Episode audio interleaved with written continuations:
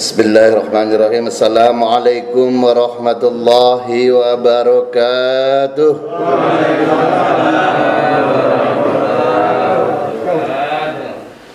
Mari kita beristighfar. Wastaghfir li dhambika walil mu'minin wal mu'minat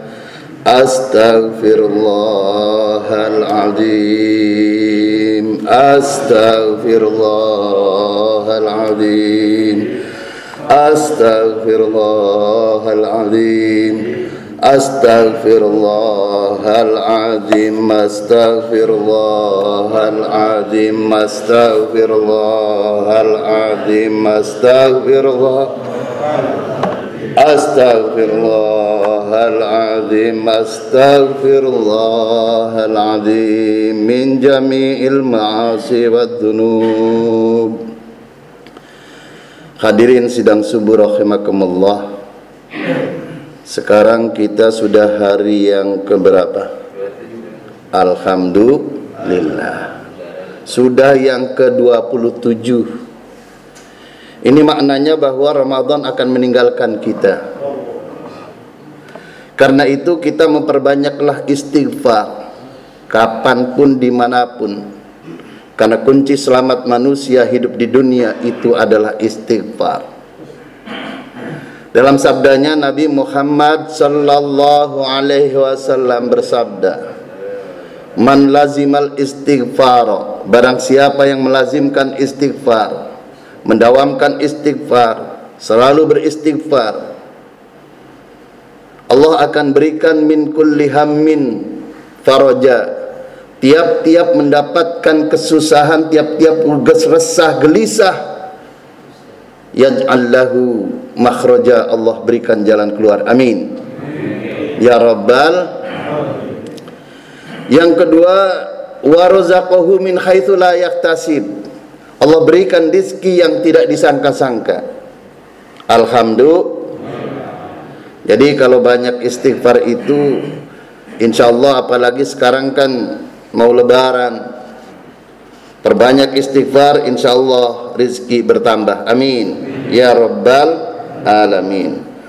Yang ketiga wa min kulli dhikin makhraja. Tiap kali mendapatkan kesempitan Allah berikan jalan keluarnya. Di manusia hidup itu kadang sempit kadang jembar. Kadang sempit kadang bahagia. Kadang sempit kadang tidak karena itu manakala sempitnya itu datang, maka Allah berikan jalan keluar. Karena itu Nabi, Nabi saja paling sedikit dalam satu hari satu malam seratus kali istighfar. Kita berapa kali? Berapa kali? Lima belas paling banyak. Duhur tiga kali, asar tiga kali, maghrib tiga kali, subuh tiga kali, isya tiga kali. Mudah-mudahan kita selalu beristighfar. Amin. Ya Rabbal Alamin. Hadirin rahimakumullah. Saya ingin memberikan kisah mengenai Nabi menjelang wafatnya dan detik-detik wafatnya. Tapi karena waktunya singkat, akan saya singkat saja. Pertama, ketika Nabi melakukan haji. Haji yang terakhir yaitu di tahun 10 Hijriah.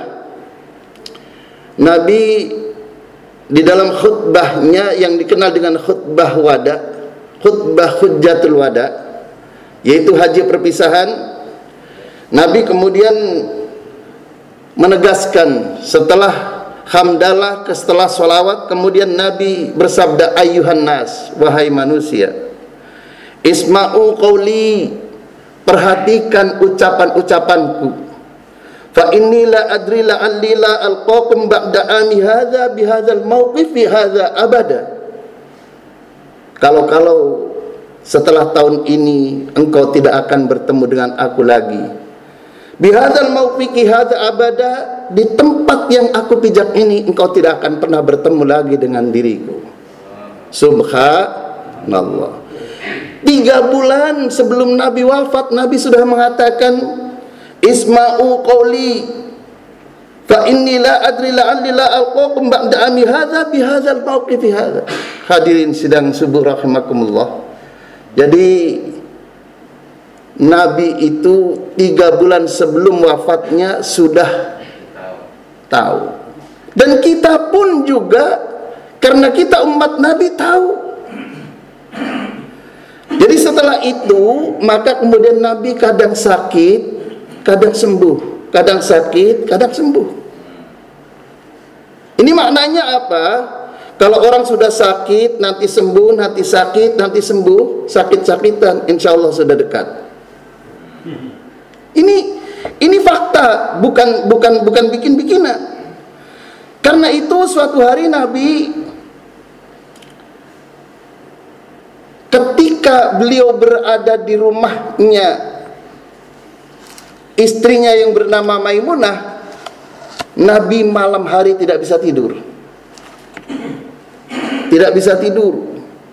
Karena Nabi tidak bisa tidur maka kemudian Nabi bersabda kepada pembantunya Ya Aba Muhaibah inni qad umirtu an astaghfiru li ahli al-baqi fantalik ma'i Eh Aba Muhaibah Inni qad umirtu sungguh aku telah diperintah oleh Allah an astaghfiru li ahli baqi untuk memintakan ampun orang-orang yang dimakamkan di makam baki. Fantalik ma'i maka mari kita pergi bersamaku. Hadirin kaum muslimin rahimakumullah.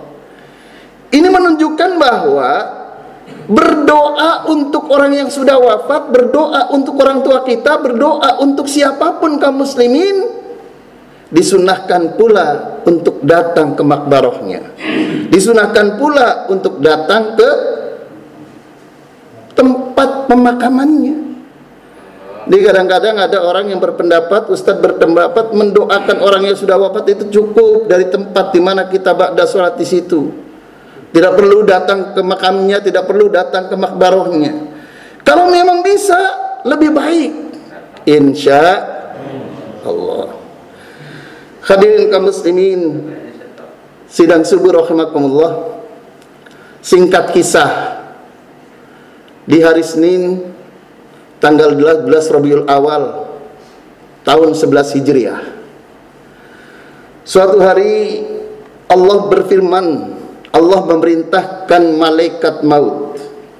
Allah taala ila malakul maut, wahai malaikat maut, aku perintahkan engkau datang ke kekasihku. Engkau datang ke sana berupa wujud yang baik, berupa wujud orang yang laki-laki ganteng. Engkau datang ke sana lalu engkau mintakan izin Engkau salam apabila engkau diizinkan masuk maka engkau masuk jika engkau tidak diizinkan masuk janganlah engkau masuk. Hadirin kaum muslimin sidang subuh rahimakumullah. In adzina laka an tadkhula fadkhula wa in lam ya'zana laka fala tadkhul warji. Kalau memang tidak diizinkan farji pulang kembali. Hadirin kaum muslimin sidang subuh rahimakumullah. Ketika malaikat maut itu datang bertamu, Assalamualaikum.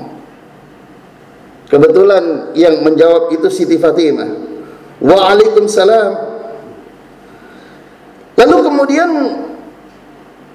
Fatimah tahu bahwa orang ini ingin ada kepentingan dengan Nabi. Lalu kemudian Siti Fatimah mengatakan, Inna Rasulullah masgulun bin nafsihi. Rasul itu sedang sibuk dengan dirinya. Karena tidak diizinkan masuk, malaikat maut diam, tidak masuk. Lalu kemudian tani, lalu kemudian salam yang kedua. Assalamualaikum.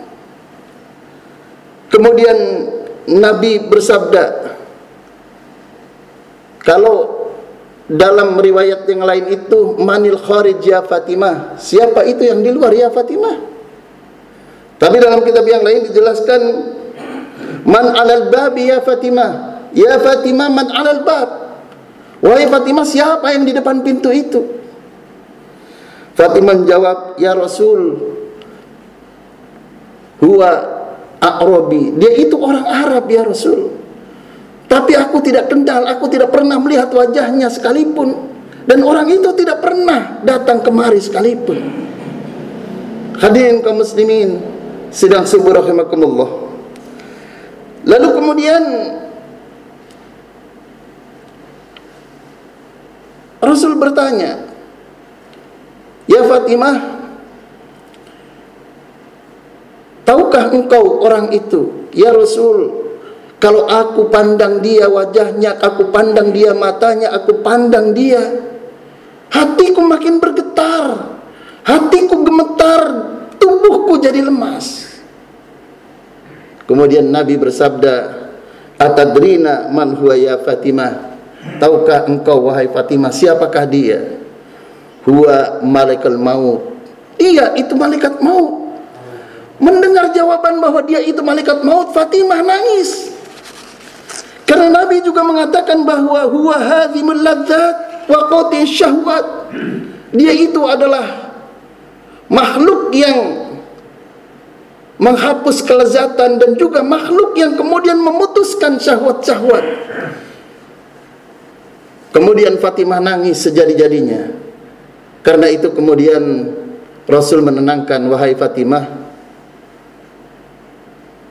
dihibur oleh Nabi bahwa nanti sepeninggalku engkaulah orang yang pertama akan menyusulku. Dengan ucapan itu Fatimah maka kemudian menjadi tenang.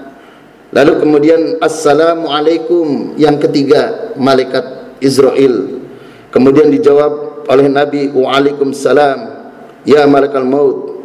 Udkhul ya malaikat maut fadakhala. Assalamualaikum ya Rasulullah jadi begitu dipersilahkan oleh Nabi, Assalamualaikum ya Rasulullah, Waalaikumsalam ya Malikal Maut.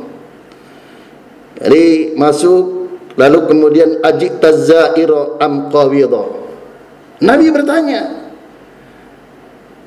Ajik tazairo am. Wahai malaikat maut, engkau datang itu untuk berziarah, berkunjung, bersilaturahim kepadaku, ataukah engkau datang untuk mencabut nawaku? Malaikat maut mengatakan Az-za'ira wa qabidha. Aku diutus untuk berkunjung kepadamu dan juga untuk mencabut nyawaku. Hadirin kaum muslimin sidang subuh rahimakumullah. Lalu kemudian Nabi bertanya, "Di mana engkau tinggalkan Jibril?" Nah ini. Ini artinya apa? Malaikat maut kemudian menjawab, aku tinggalkan Jibril di, di langit dunia. Lalu tidak berapa lama kemudian datanglah Jibril, kemudian mendekat di dekat kepala Rasul. Ya Jibril, apakah engkau tidak tahu bahwa saat kematianku sudah dekat? Kemudian Jibril menjawab, Ya Rasul, saya tahu itu. Lalu kemudian Nabi bertanya, Wahai Jibril, apa yang telah engkau sedia, Allah sediakan untuk diriku? Kemudian Jibril menjawab bahwa pintu langit telah terbuka. Semua malaikat sudah berbaris untuk menyambut ruhmu. Kemudian apalagi ya Jibril yang Allah berikan kepadaku? Begitu. Yang kedua Allah telah menyiapkan bidadari-bidadari telah berhias dan juga surga-surga telah dibuka seluruh pintunya.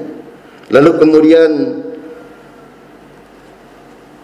Allah berikan itu semua untuk menyambut ruhmu. Alhamdulillah segala puji bagi Allah kata Nabi. Lalu Nabi bertanya, Kaifa ummati ya Jibril, bagaimana nanti umatku? Nah ini. Bagaimana nanti ya Jibril umatku? Di sini kemudian Jibril mengatakan bahwa Allah aku pernah mendengar Allah berfirman bahwa Allah tidak akan memasukkan nabi-nabi dan umat-umat lain sebelum umat dirimu dan umatmu memasuki surga lebih dulu. Alhamdulillah. Alhamdulillah. Hadirin kaum muslimin rahimakumullah.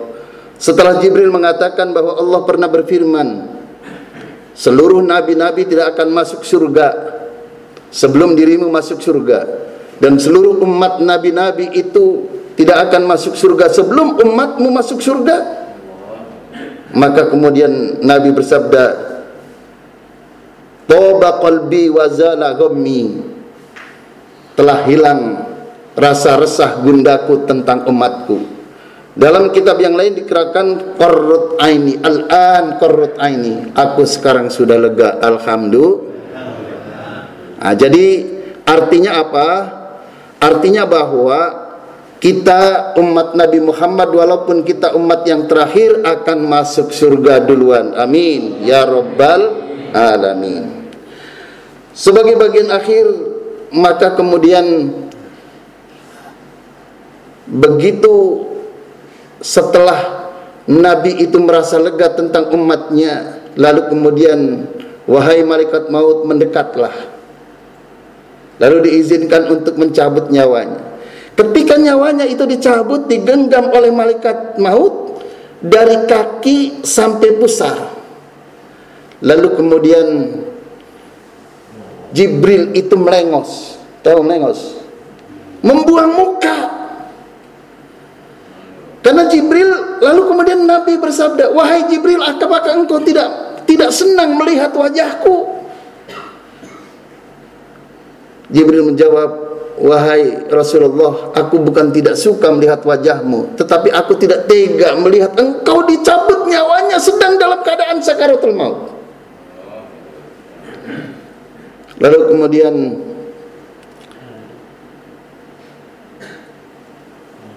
genggaman ruh itu naik.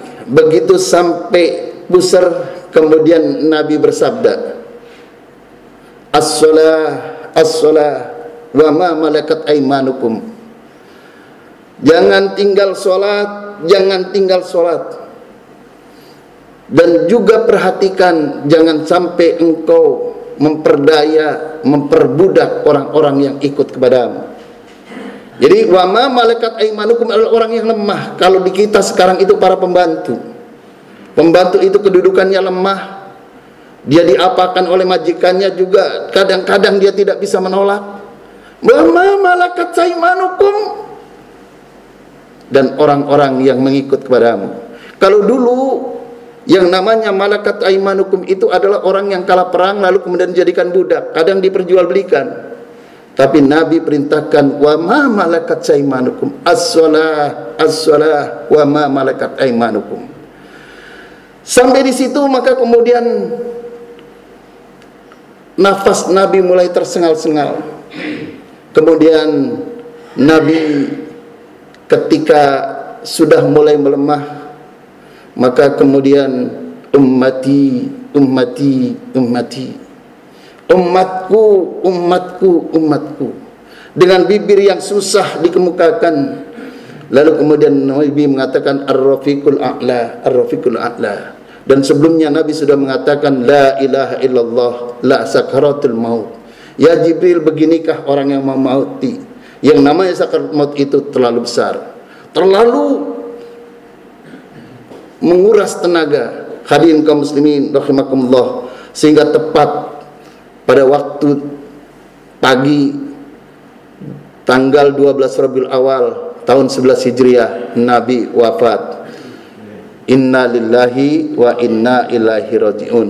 Mudah-mudahan kisah ini dapat membangkitkan kita yang pertama untuk tinggal sholat, untuk tidak tinggal sholat, insya. Yang kedua untuk memperhatikan orang-orang yang lemah, kaum duafa, para pembantu dan orang-orang yang miskin. Dan yang ketiga, kita juga diwasiatkan bahwa jaga umat, jaga persatuan, persatuan antar umat yang seagama, persatuan antar umat yang berbeda agama, sesama anak bangsa karena kita seluruhnya pada hakikatnya adalah cucunya Nabi Adam alaihi salam. Usikum nafsi bitaqallah wallahu al-muwaffiq wassalamu alaikum warahmatullahi wabarakatuh. صلى الله على محمد صلى الله عليه وسلم.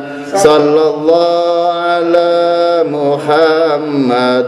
يا ربي صل وسلم. اللهم صل وسلم وبارك عليه.